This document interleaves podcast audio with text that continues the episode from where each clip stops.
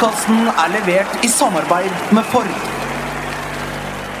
Nå lar jeg beina snakke for seg, og jeg prøver å gjøre jobben ute på banen. Og så får jeg holde kjeft utafor. Jeg vet at den er svak for skudd opp i krysset, så da bestemte jeg meg for å gjøre det. Og det visste jeg vel godt. Målet er jo egentlig klapp og opp inni i 16-meter. Det er ikke sånn at det er noen store målsjanser, men det er klappe og opp selvfølgelig. Så eh, Det er ikke stilkarakter i fotball. Det er bare én ting som eh, gjelder, og det er å vinne kamper.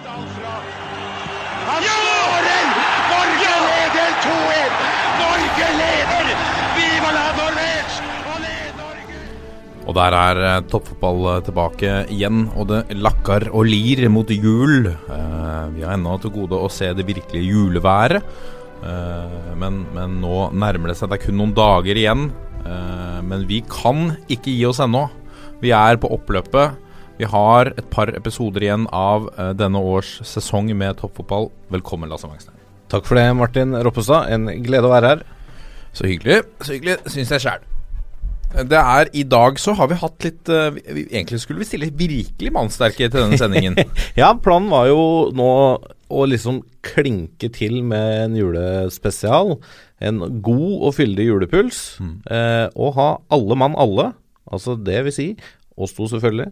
Eh, Jørgen Kjernås, eh, Håvard Lilleheie og Joakim Bårdsen i studio. Yes. Det er jo ikke sånn. Her sitter vi aleine. Av ymse årsaker. Jeg Ymse årsaker. Det er sykdom. ja, jeg fikk en MMS av en spybøtte fra Jørgen Kjernås. Det var mer enn jeg trengte. Ja, det må være et gyldig fravær. Ja, det må vi kunne si. Håvard. Ja, Håvard er på juletrefest med sin sønn. Ringte og sa at denne juletrefesten drar ut. Ja. Og det kan juletrefester gjøre, det vet vi. Det gjør det, så det må også være greit. Ja. Og så Joakim er vel på noe overtid? Han er jo eh, på dette teamet som eh, har satt seg som oppdrag i å eh, velte NIF-styret. Eh, omtrent. Ja, og i hvert fall å gå i sømmene pengebruken i eh, toppidretten. De går meget i sømmene der oppe Ja, det si, så det er vel ikke så rart at det er litt overtid eh, på kontorene til VG om dagen. Så det får vel også være gyldig fravær, all den tid det er betalt jobb. Og det er vel ikke så veldig mye podkast. Nei, det er uh... De gjør jo dette bare for å glede alle våre kjære lyttere. Og vi, vi selvfølgelig, vi liker veldig godt å sitte her. Men kan vi ikke men, altså, Jeg syns jo at uh, fotball er idrett. Uh, NFF er jo i praksis egentlig et særforbund i Norges idrettsforbund. Sånn sett så favner jo denne skandalen og åpenheten og disse tingene her, det favner også fotballen. Ja, uh, fotballen har jo ikke vært helt beskytta fra eh, pirkinga til Joakim og hans eh, kollegaer. Nei. Eh, det har de ikke, og det er jo både ting som har skjedd i fotballen eh, i de øverste gemakker, og eh, både i form av pengebruk og og andre ting som har vært på bordet opp igjennom. Og det har jo vært mange historier om fotballen også internasjonalt, og eh, kameraderi og sånne ting. Så jeg tror vel at dette er et ganske klart tegn på at eh, idretten spesielt eh, har en vei å gå for å på en måte Jeg, jeg tror tilliten til toppledelsen i norsk idrett nå, og også internasjonal idrett, er veldig svekka. Ja, eh, blant tynn- tynnslitt. Det er en tynnslitt uh, tillit, rett og slett. Og da må man bare på banen. Og, så, og da, da nytter det ikke, da, fra et sånt kommunikasjonsståsted, hvis jeg skal snakke litt sånn fra mitt eget fagfelt, da nytter det ikke å gå så jævlig rundt grøten. Der, du må nesten bare legge deg flat og si 'sorry, dette var ikke godt nok', og så uh, rydde opp, rett og slett. Det går liksom ikke an å si at det Bjørn Dæhlie som fikk 12 500 kroner for å stille opp på Senkveld for å ta, snakke positivt om um, OL, går ikke an å si at uh, han gjorde ikke det for penga, for penga trenger han ikke allikevel, for han er så rik, liksom. Ja. det, det, det er sånn derre Hvorfor sier du det, da? Ja, nei, det er, det er ikke helt, eh, det er ikke helt gjennomtenkt, eh, disse, disse tingene her. Nei. Vi Det ender vel eh, opp med en eh, kursendring. Jeg har en hypotese, og den eh, Det er litt sånn Vi får litt Hva heter slagordet? Som allerede ligger man? Jeg vet ikke om det passer buket her. I mangel av noe annet. Um, vi, vi har jo i mange år skreket på en mer profesjonalisert idrettsledelse og at få inn proffe folk. Og man har ofte sagt at for å få orden på økonomien, så må vi få inn folk fra næringslivet i idretten. Eh, og rydde opp i ting og, og, sånne ting. Og det er kanskje det vi For hvis vi går til det private næringslivet, så er det ikke uvanlig Altså Hvis du har en styremiddag i, i det private næringslivet med elleve vinflasker på et styre, det, på et styre på 14, 14 stykker, det er ikke en uvanlig regning å sende. Nei det er ikke uvanlig å leie inn foredragsholdere. Så det er vel kanskje litt den Man har bare dratt med seg sine vaner og sin måte å gjøre det på, og dyre middager og representasjon osv. Dratt med seg det inn i idretten, samtidig med at man har dratt med seg de positive tingene. Jo, jo, selvfølgelig, men altså, isolert sett så er ikke en middag nå og da noe gærent. Nei. Men det er summen av. Ja. Det er, det er liksom hvor langt de har dratt det på fellesskapets regning. Og i hvert fall innenfor idretten, som er såpass tufta på frivillighet som den er i Norge. Ja. Med alle, altså Disse velkjente vaffelstekerne er nevnt flere ganger, men det er mange andre som driver med andre typer frivillighet òg. Ja. Som gjør dette frivillig, som gjør dette uten å få en krone betalt. Eh, sånn at idretten også tjener mer penger. Men også sånn at du skal fostre opp nye idrettstalenter som gjør at idretten tjener mer penger. Og kan få gode sponsoravtaler. Og så, skal, så det er liksom summen av det hele. Og jeg tror heller ikke at det er feil å ha noen næringslivsfolk der, men du må skjønne litt landet du ligger i. Skjønne litt uh, bedet du trår i. At dette er idrett som er mye tufta på frivillighet. Og det tror jeg noen har glemt underveis. Og så stusser jeg også på sånn at folk ansettes uten ansettelsesprosesser, og det er liksom sånn der Ja, men han kjenner vi fra før, så han ansetter vi. Uten at det har liksom vært noe, noen runder på det. Får du da den beste kandidaten? Hvis du bare ansetter noen, eller du, bør du ta en runde hvor folk som er interessert, søker på jobber, og at man velger den beste kandidaten ut ifra uh, forutsetninger og egenskaper, og ikke ut ifra at uh, uh, du tilfeldigvis har møtt den på hyggelig lag tidligere. Nei, det er, det er sant. Vi, denne saken er ikke slutt. Den, eh, den kommer mest sannsynlig til å prege julefeiringen på flere av de involverte. Ja, den, eh, jeg tror det kommer til å bli flere Flere um, avsnitt i eh, diverse nettaviser og papiraviser de neste ukene om dette også. Men siden vi har mulighet, la oss uh, fokusere på noe annet akkurat nå. Ja, du, du skal jo snakke litt om norsk fotball, eller? Ja, vi gjør det. Ja. Dette er toppfotball. Da har vi kommet til spalten Ukens eh, fokus, eh, skråstrekk fiesta. Eh, vi har et samarbeid med, med Ford. Og I den forbindelse så har vi denne spalten som i denne uken er Ukens fokus. Og Ukens fokus er på Viking. På Viking, og det er Marius Seldal som har sendt oss en e-post på toppfotball at 451.no. Hei, Marius. Hei, Marius. Han skriver Da var det nye trenerteamet til Viking klart, bestående av Bjarne Berntsen, Batty og Morten Jensen. Og da er Batty vel da fort Bjarte Lunde Årsheim. Yes. Eh, de fleste vet noe om Bjarne Berntsen og Batty, men hva tenker dere om ansettelsen av Morten Jensen? Gjorde en meget god jobb med Vidar denne sesongen. Kan han dra med seg spillere som Ingvald Hallgundseth til Viking, noe som burde være aktuelt for Viking sin del? Keep up the good work. Takk for det. Nei, Hva skal vi si der Martin? Det er jo en eh, interessant eh, ansettelse, og det er jo et, eh, sånn jeg ser det, et eh, karrierevalg eh, av, eh, av Morten Jensen. Altså, samtidig så går han jo ut av en, av en hovedtrener, hovedtrenerrolle, men inn i et team. Han er jo Han er ikke fylt uh, 40 ennå, ikke sant? 38 eller noe sånt nå? Ja, det har jeg ikke på Slutten av 30-åra. Slutten av 30-åra. Men altså, han går til en større klubb. Han går til en Yes. to toppklubb som har vært veldig, veldig lenge i Eliteserien, og nå rykka ned. Bjarne Berntsen skal jo ha en sånn sportslig leder-manager-rolle. Han skal ta ut laget på kampdag, lede laget på kampdag, mens det er jo Bjarte Lunde Årsheim og Morten Jensen som skal lede laget i trening. Ja. Ukentlige treningsarbeidet. Så det er sikkert ikke så veldig mye annerledes enn det han er vant til ved å være hovedtrener i Vidar. Han får fortsatt et veldig sterkt ansvar for spillerne i Viking. Eh, Så blir det spennende å se om den konstellasjonen funker i Viking i Obos-ligaen. Eh, Det er helt klart at Viking eh, føler nok litt på det nå at de, de, de, vil, de vil selvfølgelig rett opp igjen. Mm. Og dette Jeg, jeg syns jo dette på mange måter er et signal om det. De beholder Bjarte Lunde Årsheim, som har erfaring både som spiller og trener de senere årene i klubben. De henter inn nytt friskt blod med Morten Jensen. Og så henter de tilbake Bjarne Berntsen, som har fylt flere roller i Viking tidligere, og som nå i det siste har hatt helt andre roller i idretten og fotballen. Men allikevel, jeg, jeg tror dette kan være et, eh, et spennende valg, og som i mine øyne viser at Viking satser på og gå og gjøre det oppholdet på nivå to så kort som mulig. Er det litt sånn eh, Molde-Solskjær-modell, med en litt sånn definert manager og, eh, og, og noen hovedtrenere? Ja, det er jo på en måte det. Det er jo litt sånn som man gjerne ser i større klubber ute i Europa, hvor man har en manager som har det overordna ansvaret. Kanskje, men her skal vel Bjarne Berntsen også ha ansvar for spillelogistikk. Kommer til å jobbe tett med Lunde Årsheim og Jensen. Eh, så det er jo det, på mange måter, det man ser. Men han skal også ha en sånn sportslig lederrolle, da, så han vil jo ha det siste ordet når det kommer til overganger òg. Og når du da jobber så tett med eh, trenerne dine, så er, det kanskje større sjanse for at du treffer rett da enn det som kanskje virka som var tilfellet med Ian Birchnell og um, Bård Wiggen i Viking eh, siste halvdel, i hvert fall av 2017. Litt spesielt med Morten Jensen også. Han, han ble hovedtrener for, for Vidar før årets sesong, etter fire år i Havørn i fjerdedivisjon. Og hadde jo i var det i oktober, tror jeg, signert ny kontrakt med, med Vidar for en ny sesong. Mm. Men uh, måtte da Altså, han falt for fristelsen da, da storebror Viking kom, kom slentrende. Ja, jeg skjønner det også. Har sikkert også Vidar fått en kompensasjon for uh, det avtalebruddet, da, hvis du kan kalle det det. Det er jo sånn fotballen fungerer, at det er korte avtaler. Eh, men kan kjøpes ut av de avtalene hvis noen har lyst på tjenestene dine. Så det, er- og det er ikke noe som tyder på at dette er noe helt annet enn at det har vært en veldig ryddig prosess. Det er da altså en ledig jobb i, i Vidar, for de som måtte befinne seg de som på har ambisjoner. Ikke sant? Ja. Nå kommer pulsen.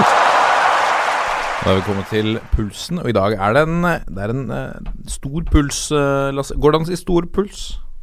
Eh, ja, en uh, fyldig puls? Nei, jeg vet ikke. Fyll, en dunkende En puls. sterk puls. Sterk puls, absolutt. En julepuls. En julepuls er det. Ja.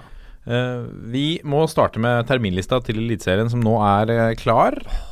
Kampene for Er dette liksom et høydepunkt eh, for deg? Følger du nøye med på hvordan eh, Ja, altså det er jo sesongen vil alltid, se ut? det er jo alltid spennende å se hvilke lag du møter når. Og så er det jo selvfølgelig noen kampdatoer som skiller seg ut. Det er, det er første og siste kamp, selvfølgelig. Og så 16. mai. Det er kanskje de tre som øh, historisk er viktigst og på en måte man oftest har lyst til å ha hjemme. Da. Man har lyst til å begynne på hjemmebane, man har lyst til å avslutte på hjemmebane, og selvfølgelig har man lyst på 16. mai på hjemmebane.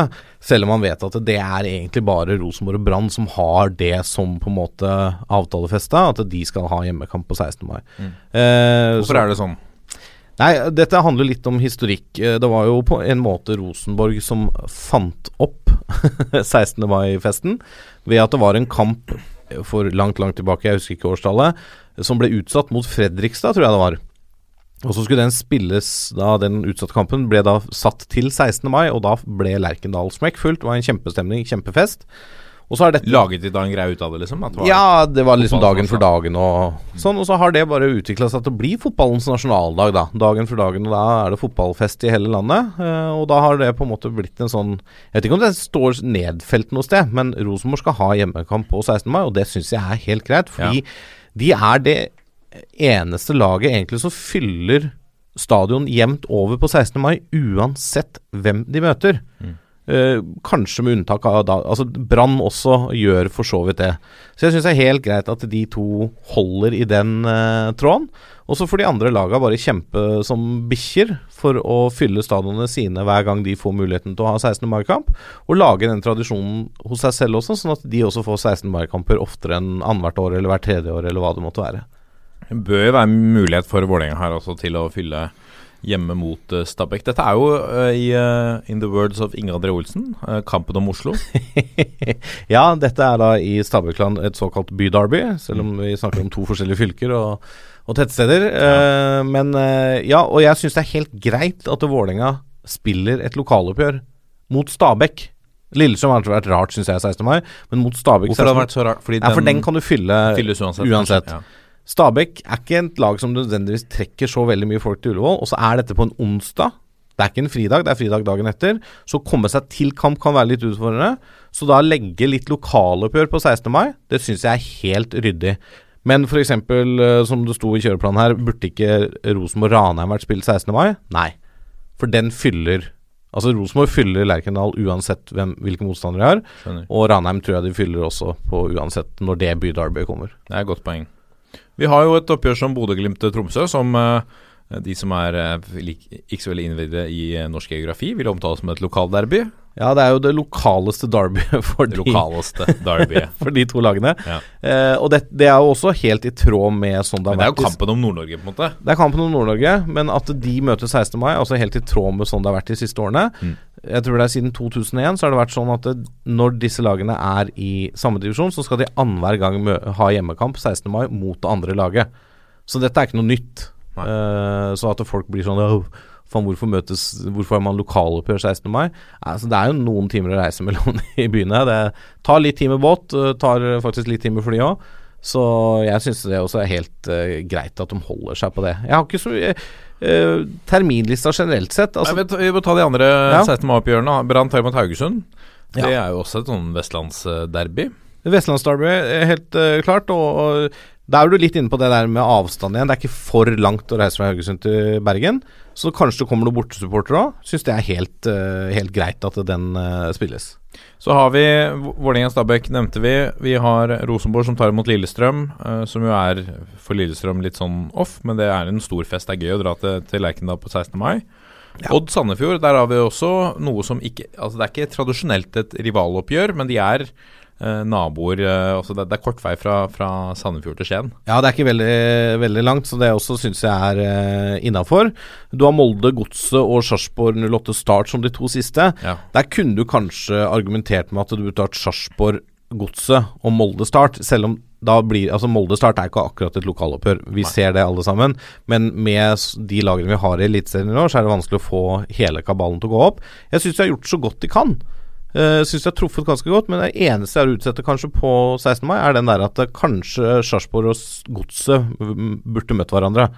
Og så kunne Molde og Start møtt hverandre. Så hadde du kanskje optimalisert det enda mer. Ja. Så vil noen andre hevde at eh, Molde kunne møtt Kristiansund, men da er det samme argumentet som du sa i stad, at den sjansen for at den blir eh, Altså det blir en godt besøkt kamp, er uansett til stede, uansett hvilken dato den er på. Ja, i hvert fall eh, i Kristiansund så fyller de jo stadion eh, når Molde kommer på besøk.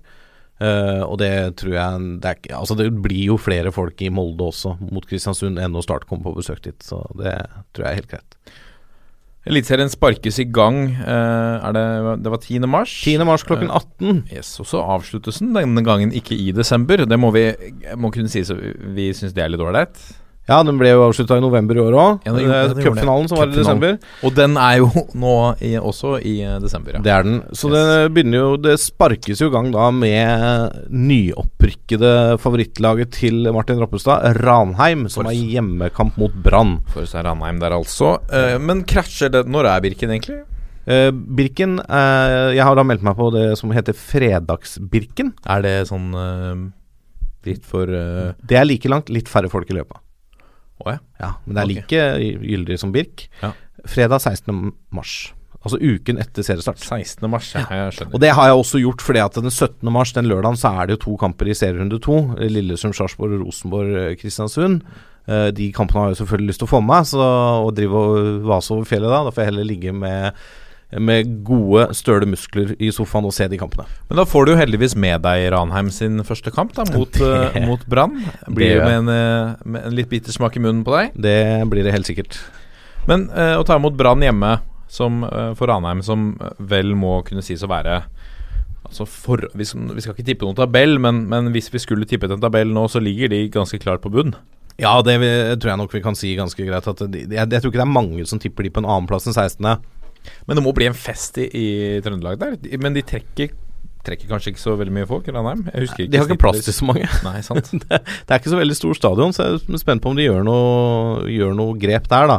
Men uh, jeg syns det er jo Det blir en fest å få møte Brann, som er liksom storklubben Brann, som er en del av liksom eh, Hva skal vi si eh, På adelskalenderen i eh, norsk fotball, da, så er Brann en av de fem som har over 1200 kamper i Eliteserien.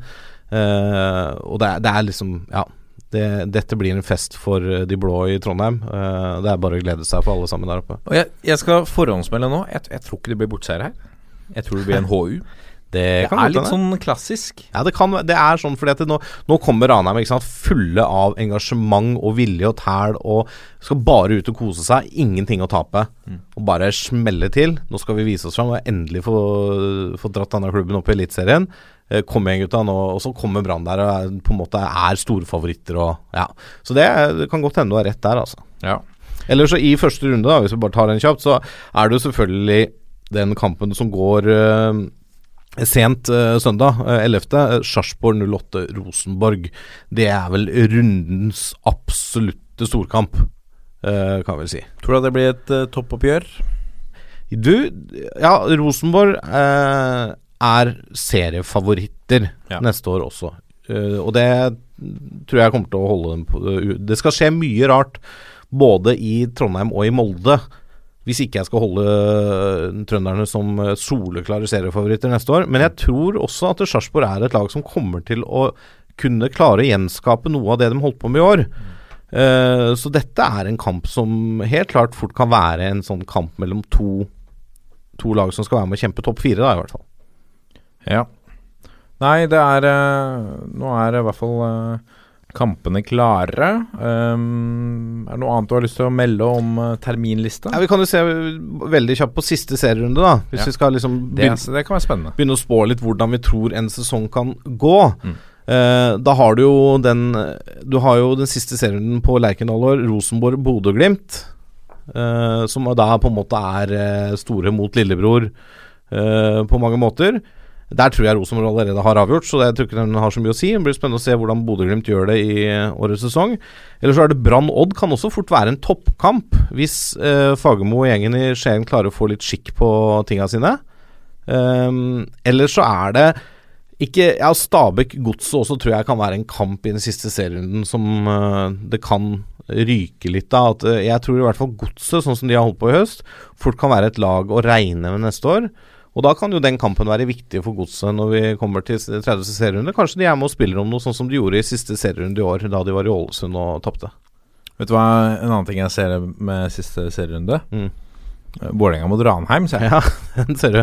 Uh, og det er litt sånn eh, klassisk at hvis Vålerenga er med i kampen om å kjempe om noe, Mhm. så er det litt sånn typisk at det er akkurat Ranheim som uh, frarøver de den muligheten i siste kamp. Ja, eller hvis da Ranheim uh, ligger på vippen til å rykke ned eller ikke, liksom spiller om kval og klarer kvalikplassen, da. Så, Så klarer de jo fort det på klar bortseier. Ja, ja, ja. Dette er toppfotball. Vi raser videre mens vi snakket om Vålerenga. De har signert uh, ny midtstopper, Carvalho fra Malmö. Spennende Omtalt som veldig rask. Ja, omtalt som en veldig rask og hodesterk eh, stoppertype som eh, både rensker unna egen boks og kan skåre litt mål sjøl. Uh, 1,88 på lesten. 1,88 på lesten, forholdsvis tung, veier litt over 90 kilo, så er det mye muskler i den der eh, kroppen. Ja. Um, jeg er litt grann i stuss på lengden på kontrakt. Han har fått en ettårskontrakt. Uh, det kan virke litt lite, for da er det jo ikke et prosjekt hvor Vålerenga tenker å tjene noe penger på han, og så kommer han skada. Han har en akilleskade som han fikk i sommer, som er på vei tilbake i full trening nå. Men samtidig, en kort kontrakt gir begge parter veldig lav risiko. Funker han ikke i Vålerenga, så har fortsatt Vålerenga Tolles Nation, Jeger og Nakkim å falle tilbake på som midtstoppere. Uh, og funker det Det er ikke bra nok, syns jeg. Nei, det er ikke bra nok, men du har i, i hvert fall stoppere der, da. Ja. Og funker det bra tidlig, så kan man jo tidlig bli enige om en ny kontrakt med en sånn gentleman's agreement. At ok, kommer det et tilbud fra utlandet som er godt, så får du gå. Litt sånn gentleman's agreement à la Herman Stengel. ja, eh, la oss ikke rippe opp i uh, når I dag er jeg litt på. Jeg liksom pirker borti deg, da. Det er Ja, men du har ikke så mange andre å pirke borti i dag, da. Det, er det er helt greit. Nei, det er klart at uh, sånn som Herman, som sikkert signerte den kontrakten med Godset lenge, lenge før det ble offentliggjort, Mm. uh, får håpe at de unngår en sånn situasjon. Men uh, det er klart, når du kommer skada også, ikke sant, uh, med en sånn akilleskade Vålerenga er sikkert litt usikre på hvor han står, og han har helt klart større ambisjoner enn Eliteserien. eh, Men trenger nå på en måte komme seg i drag igjen. Eh, Dette kan være en kjempevinn for begge parter, altså. Det, Han det går altså fra Sveriges seriemester til, til eh, Vålerenga. Han gjør det. Vært litt utlånt til Sverige, litt sånn av og på. Som sagt skada nå. Men det er, det er som jeg sier, det er lav risiko å hente noen på ettårskontrakt eh, for begge parter. Så for de som liksom sier at det er så typisk Vålerenga å hente skada spillere på korttidskontrakter, ja, men ok, det er kanskje det som er lurt å gjøre, da, istedenfor å hente den på fire år da, med høy sign-on og vanskelig å kvitte seg med hvis han blir skada igjen, Ja. og har dem ett år. Skulle han da ikke bli frisk, så ja, da er det det han har, da.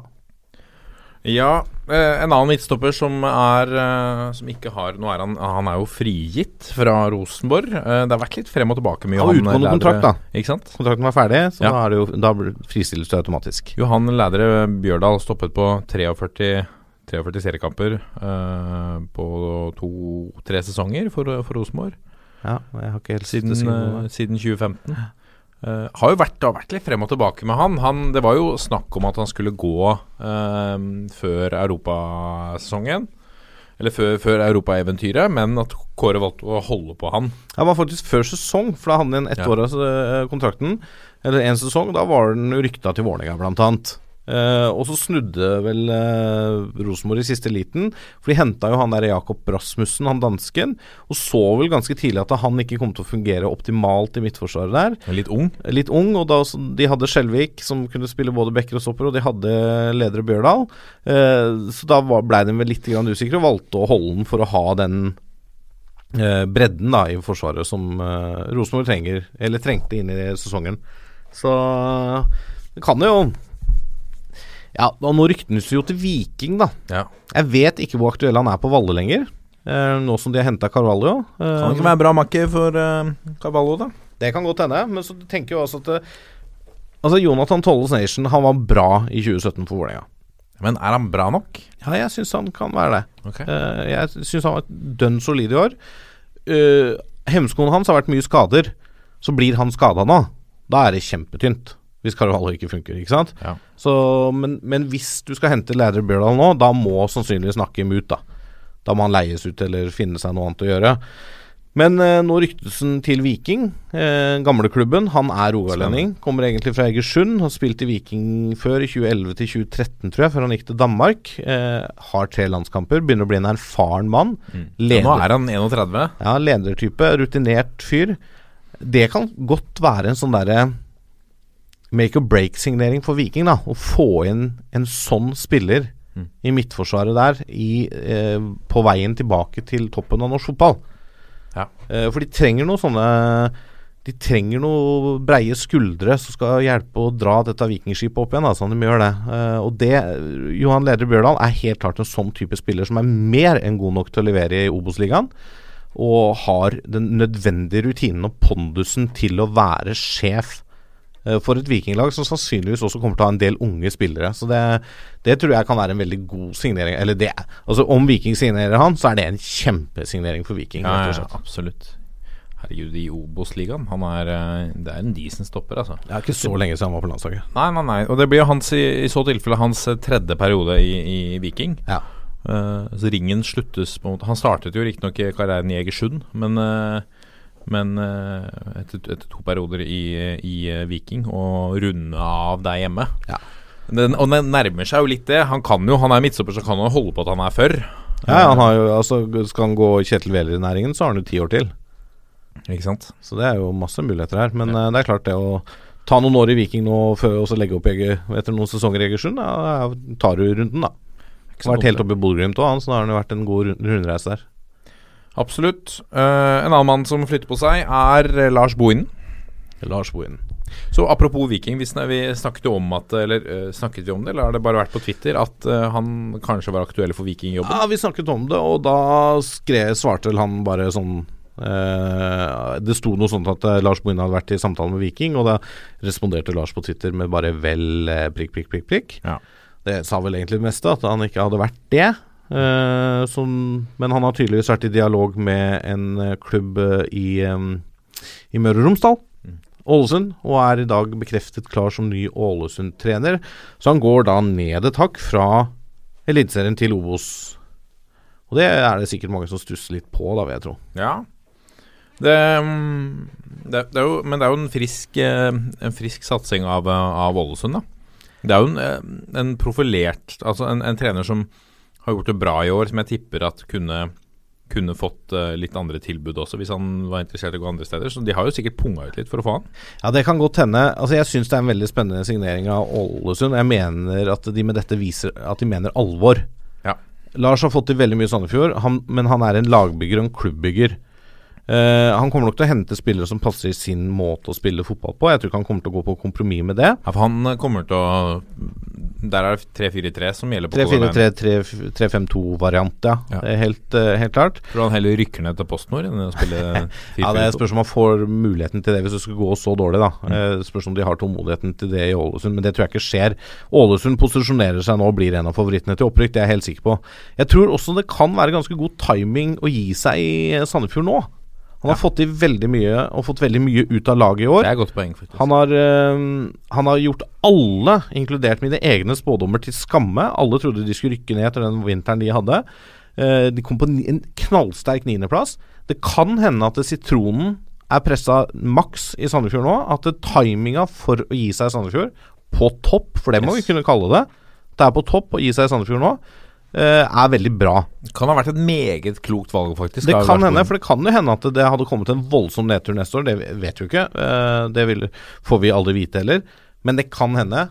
Eh, eh, Så, så det er sånn jeg, jeg ser egentlig på dette som en ganske, et ganske klokt valg av både Lars og Ålesund, og for så vidt også Sandefjord. Og det virker som de er veldig vel forlikt, da, Sandefjord og Lars. Eh, de ønsker han lykke til og takk for innsatsen og ikke noe sure miner. Alt er liksom på stell. Eh, og det, det syns jeg er positivt, når man klarer å skille som venner på den måten der i norsk fotball. Det er ikke alltid det skjer når folk uh, skifter klubb, som vi kanskje skal uh, så vidt innom etterpå. Så det her tror jeg er fornuftig for alle parter, egentlig. Det blir spennende å se da hva Sandefjord henter som erstatter. Ja, Så kan det jo være at i 2019 så sitter Lars Bohin der, og så ser han tilbake på de to siste sesongene. Da har han ledet i 2017 Sandefjord til en rekordsterk sesong i Eliteserien. Mm. Eh, og blitt eh, nominert til årets trener. Og året etter så har han ført Ålesund tilbake eh, til Eliteserien med et opprykk. Ja. Så det er, jo, det er jo Altså, da vil du jo kunne notere enda en suksess. Og hvis han hadde dumpa virkelig med Sandefjord neste år, så glem, er det fort gjort at folk glemmer den sterke sesongen han hadde på niendeplass. Da hadde den vært glemt med en gang. Yes. Altså Med en gang det hadde begynt du, å skurre. du er klok, ass, Lasse. Det, jeg glimter til. Ja. Dette, er, dette er bra stoff. Vi går videre. Eh, Julian eh, Ryerson, Ryerson er eh, eh, Apropos Viking, han er på vei bort. Ja, Han var vel ganske tydelig etter sesongen på at eh, han ikke hadde sånn kjempelyst til å spille Obos-ligaen. Mm. Eh, og det er syns jeg er helt greit, selv om du har vært med å spille dem det. Han har vært en av de beste spillerne til Viking i år. eh, er fast på U21-landslaget. eh, er en mann for fremtiden. En spennende spillertype. Så at han har lyst til å finne seg noe annet å gjøre, det forstår jeg veldig godt. Ja. Union Berlin er jo litt en, sånn kultklubb i, i Berlin. Det er litt uh, De som jeg var, jeg var i Berlin i høst og fikk uh, kjempekjeft av um, flere barndomskompiser fra, fra Horten som sa at uh, for all verden er du på Hertha Berlin-kamp? Eier du ikke sjel? Du må dra på Ju- Må Union. dra på Union Berlin. Ja, Det er jo andre Bundesliga. Ligger på sjetteplass så langt. Eh, det er bra nivå i Tyskland, også i andre Bundesliga. Og flere har bevist før at det, å gå til det nivået som norsk ung spiller, er ikke helt feil. Du utvikler deg godt og får spilletid og sånne ting. Og det er sikkert også et spennende eventyr å eh, eventuelt spille foran over 20 000 tilskuere eh, i Berlin på hjemmekampene. Så dette er altså dette er et steg opp fra bunnen av Eliteserien, altså. Det, hvis han går til Union Berlin, det mener jeg. Ja, og, og den atmosfæren Jeg husker vi så, så noen eh, YouTube-klipp fra tribunelivet i eh, Union Berlin og, osv. før vi skulle bestille billetter. Og det er, eh, det er trykk, altså. Det er jo generelt trykk i tysk fotball, men å, å gå dit og på et fornuftig nivå og mest sannsynlig kunne få lov å spille litt ball foran en, en gjeng gærninger, det er jo helt, helt Ja, det, er fot det er fotballkultur i Tyskland, ikke sant. Og de, de, har, eh, de har et sterkt fotball ja, Jeg liker ikke ordet produkt, da, men altså fotballen eh, sportslig sett i Tyskland er knallsterk, også på nivå to. Så dette er i Om han går dit, så er det en overgang jeg hyller. Og det er bra at vi får norske unge sultne spillere ut på kontinentet og får matche seg mot eh, bedre spillere og bedre lag uke inn og uke ut. Da får vi bedre spillere, norske spillere. Vi får sende en liten hilsen til uh, vår venn Morten Galaasen i fotballuka og i Pyro Pivo. Det er, dette er jo hans klubb, Union Berlin. Dette er hans tyske klubb, ja. Yes. Riktig. Han har jo flere i flere land, men uh, dette er hans. eh, jeg tror det er kanskje hans favoritt. Uh, helt oppe der sammen med Fenerbahçe og, og Lillestrøm. LSK, ikke minst. Ja. Mm. Vi, har en, vi, vi holder oss i Tyskland. Um, Birk Riise har debutert for Köln. Han har jo vært der nå en stund og, og spilt, en, spilt mye for U21-landslaget, men spilt lite for A-laget til Köln. Ja, 10.12. så fikk han debuten i Bundesliga. Ja, det Du, det er Bundesliga, altså. er Bundesliga. Det er det første Bundesliga. Øverste nivå i Yes. Tyskland. Eh, da fikk han 18 minutter i eh, hjemmekampen mot Freiburg. Köln ligger jo desidert sist i Bundesliga, det. De leda 3-0 etter halvtimen. Freiburg snudde kampen og vant til slutt 4-3 etter to skåringer på overtid. Mm. Eh, sin første kamp fra start fikk han i 1-0-seieren hjemme mot Wolfsburg nå for fire dager siden, 16.12. Det var Kölns første seier for året. da var han på banen i 63 minutter, ble nappa og erstatta Christian Clemens, som ble matchvinner fire minutter seinere. Ja. Uh, og han var ikke i troppen nå i siste kampen før julepausen i Bundesliga, men det kan jo være tett kampprogram osv. Men uansett, det er helt knall med en norsk offensiv spiller som får prøve seg i Bundesliga. Er bare 19 år, altså. Fyller 20 i, i februar. 19 år gammel og har allerede spilt på det øverste nivået i Tyskland, selv om det er på bunnklubben. Dette eh, lukter, lukter bra. Altså, dette er kjempestas. Ja, meget, eh, meget spennende. Han er, altså, var jo tidligere i, i Sandnes Ulf og, og Sola. Var en av de som liksom dro ut litt tidlig. Ja. Uh, Vi har jo flere eksempler på at det har funka. Reka, Riise Absolutt. Gått ut tidlig, og det har funka, det. Så det er ikke sikkert det er feil, nei. Nei. Vi har flere i Tyskland, vi, Lasse. En annen som har begynt å få tillit. Ørjan Nyland er tilbake i, i varmen. I Ingolstadt, ja. Ingolstadt i andre Bundesliga. De Altså, kvitta seg vel med konkurrenten av en sånn danske Hansen, tror jeg han heter, han keeperen. Han gikk vel til Var det Heerenveen, da? ja, det kan være. Gikk den delen av fotball, i hvert fall. Ja. Men, Dette er jo også andre Bundesliga, da. Ja. Men uh, han har jo slitt benken der og vært veldig utilpass. Nå har han stått i 15, 15 av de 18 uh, kampene i, i sesongen så langt. Og dette er bra. Dette er Meget viktig, også for landslaget. For Ja, ja, ja. nå som André Hansen, som jeg rangerer som Norges nest beste keeper om dagen, har takket nei til videre landslagsspill, så er vi avhengig av at Nyland spiller og er i kampform. Jarstein er fortsatt nummer én, men blir ikke yngre, og Nyland er den naturlige arvtakeren per i dag. Da må han spille fotball på høyt nivå. Det gjør han nå i andre Bundesliga. Eh, hver uke, så å si, og får den kampmatchinga. Og da har vi to solide keepere i, eh, på nummer én og to på landslaget. Så at det, da er det liksom aldri noe sånn Da blir ikke jeg bekymra hvis i neste landskamp eh, på nyåret om eh, Jarstein ikke kan spille. Nei. For da har vi en solid Nyland med kamptrening i bakhånd. Ja. Så det, det, dette er kjempebra. Det er viktig. Vi, vi du, du tisa det tidligere i pulsen. Um, andre trenere som, som fortsetter. I, I Tromsdalen så har de gjort en helomvending. ja, i hvert fall eh, treneren, Gaute Helstrup, har gjort en helomvending. Han eh, tok jo Tromsdalen til en veldig veldig god sesong i år, med niendeplass i Obos-ligaen. Eh, og var jo i dialog med Tromsdalen om ny kontrakt. Ble tilbudt en ettårskontrakt, eh, som han takka nei til, og var da ferdig i klubben etter 22 års tjeneste i Tuil. Eh, for de ville ikke tilby han mer enn det ene året, da, som ikke var nok for 41-åringen. Eh, og da sa styrelederen til eh, Tuil, Are Bessesen, jeg er overrasket og samtidig skuffet. I dag kom eh, nyheten om at eh, Helstrup likevel blir værende og har signert en toårskontrakt. Han sier at det ligger mitt hjerte nært å jobbe med nordnorske spillere og utvikling.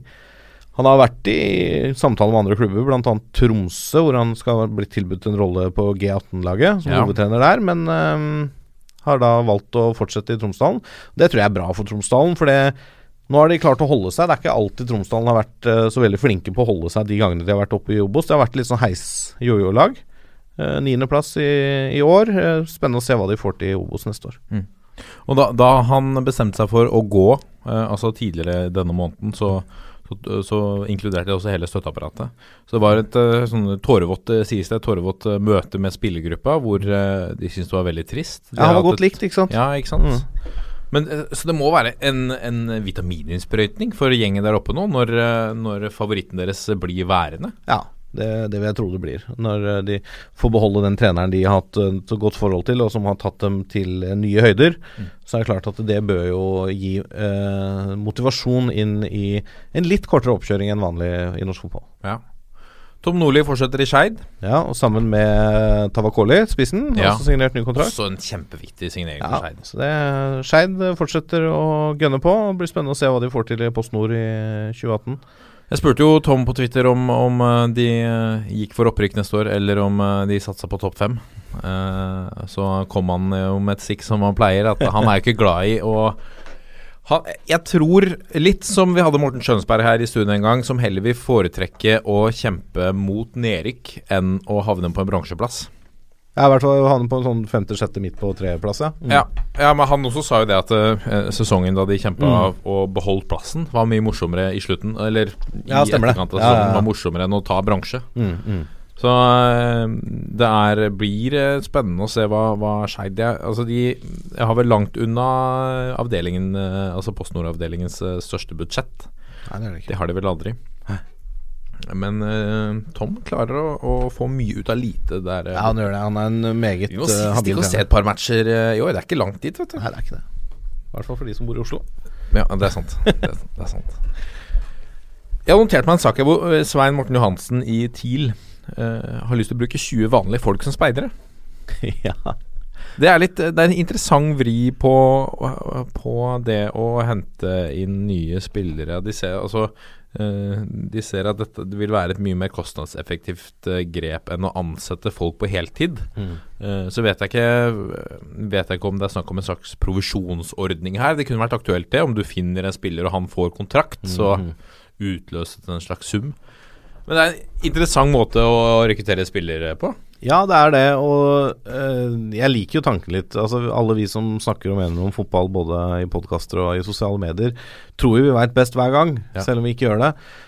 Uh, nå får man jo kanskje muligheten til å ta det ut i praksis.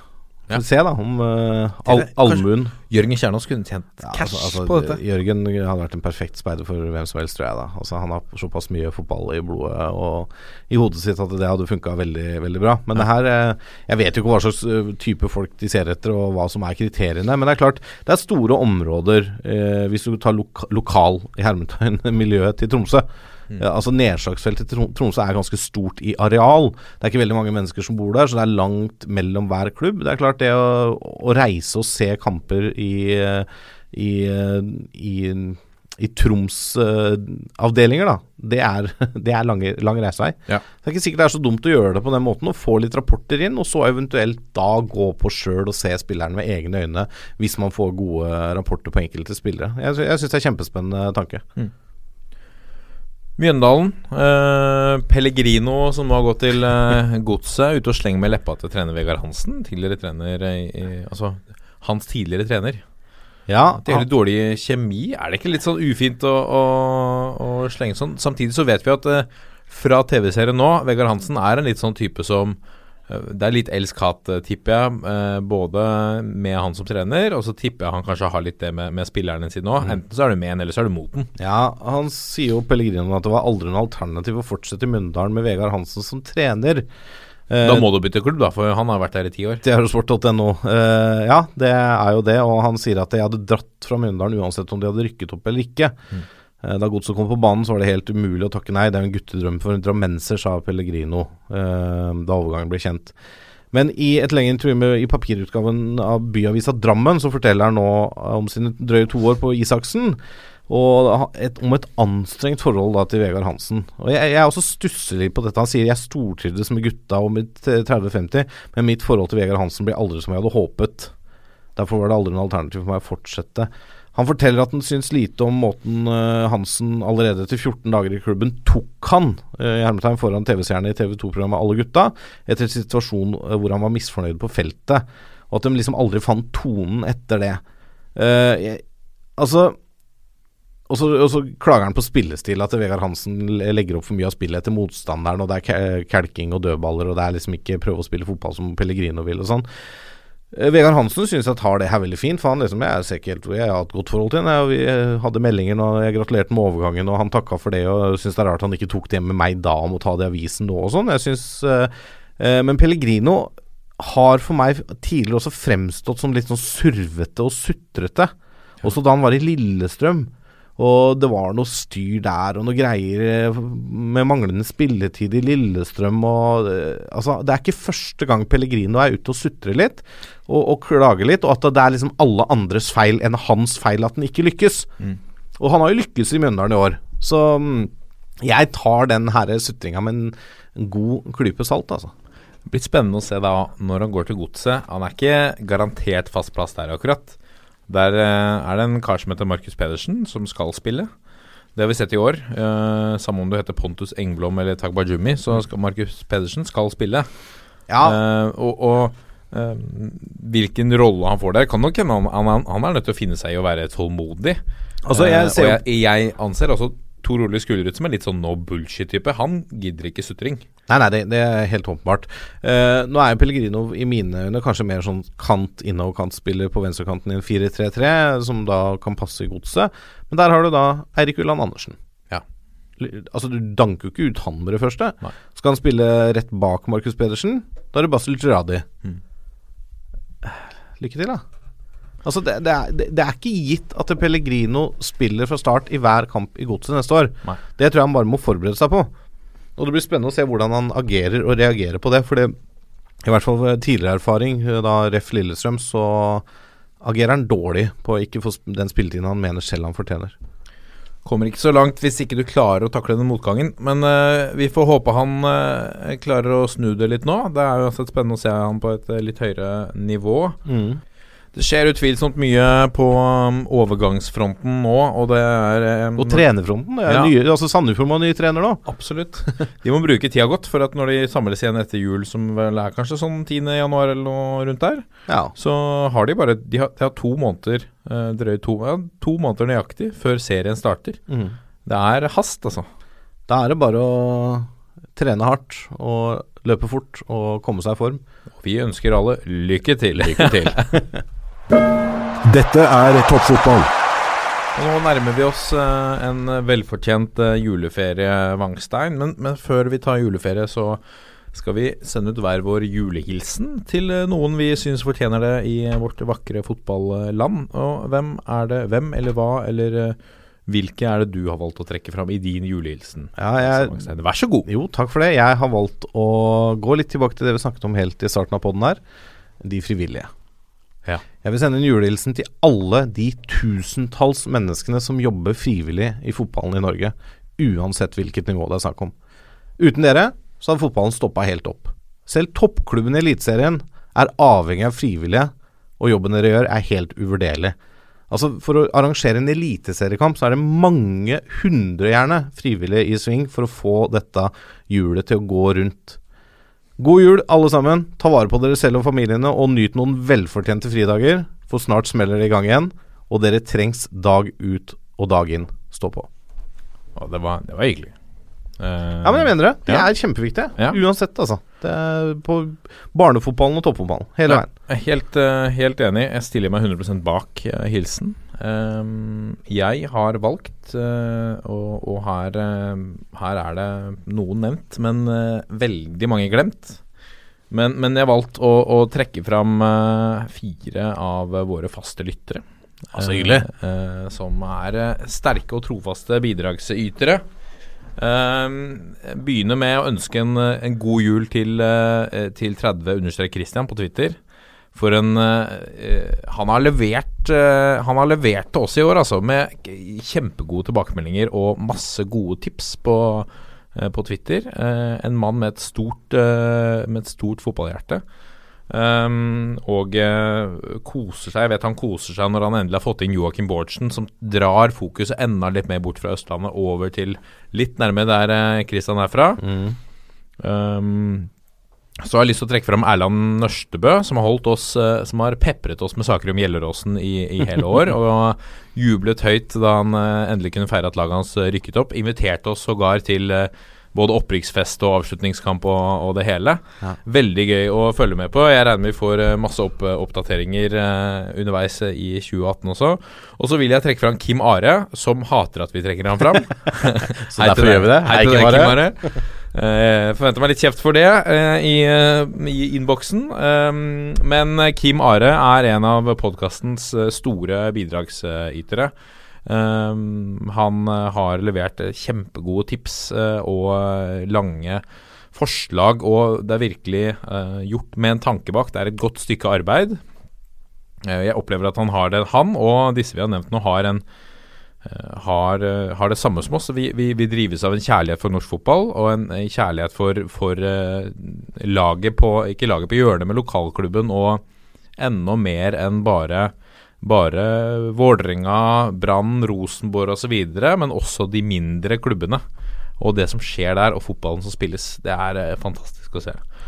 Og så må jeg, jeg må også nevne Andreas, eh, folk som Andreas Bryn, eh, som bidrar mye på Twitter. Johan Sjøbakk Lund. Eh, og så vil jeg trekke fram eh, en, en mann som virkelig har dratt et lass for breddefotball i år. Eh, spesielt i Rogaland. Lars Avis Mm. på, på Twitter. Som eh, eh, Altså, han fortjener en eller annen slags eh, pris der nede i Rogaland for den innsatsen han har gjort. Han sto omtrent ene og alene bak breddefotballsatsingen til Stavanger Aftenblad i, i, i Rogaland der. Det er et stort stykke arbeid. Så en, en stor takk for alle som jobber med norsk ball, og alle som bidrar med ting, enten det er til oss eller til folk generelt. Det er det er et slags stykke dugnad som drives av kjærlighet. Det er det dugnadsfolk dette også, Wangstein. Ja, nydelig. Det helt nydelig. Frivillige dugnadsfolk, det er det vi trenger. Og takk til alle lytterne våre, da, som Ja. eh, holder ut med oss uke inn, uh, uke ut. Det har vært et uh, morsomt, veldig morsomt år. Ja. En morsom sesong. Eh, mye høydepunkter, og eh, vi har kost oss. Vi koser oss jo veldig med dette. Ja, vi syns det er kjempegøy, og vi kommer ikke til å gi oss med det første, vi. Absolutt ikke. Vi eh, skal legge oss i selen og være klare til en ny sesong når den tid kommer. Har du forslag til uh, neste års uh, sesong av toppfotball? Hva vi kan snakke om? En forslag til ulike spalter og temaer osv. Send det til toppfotballat451.no. Vi tar det gjerne imot. Vi har brukt mange forslag fra lyttere i løpet av året, så det syns vi er helt gull. Så må vi avslutte med å ønske alle våre lyttere og deres familier en riktig god jul og et uh, godt uh, nytt uh, år. Eh, litt senere i desember vil det komme en liten episode som man kan kose seg med i romjulen, som er forhåndsinnspilt. Men før det så må vi gjøre som vi pleier å gjøre, Lasse. Én, to, tre. Vi er en gjeng. Ha det! Og god jul!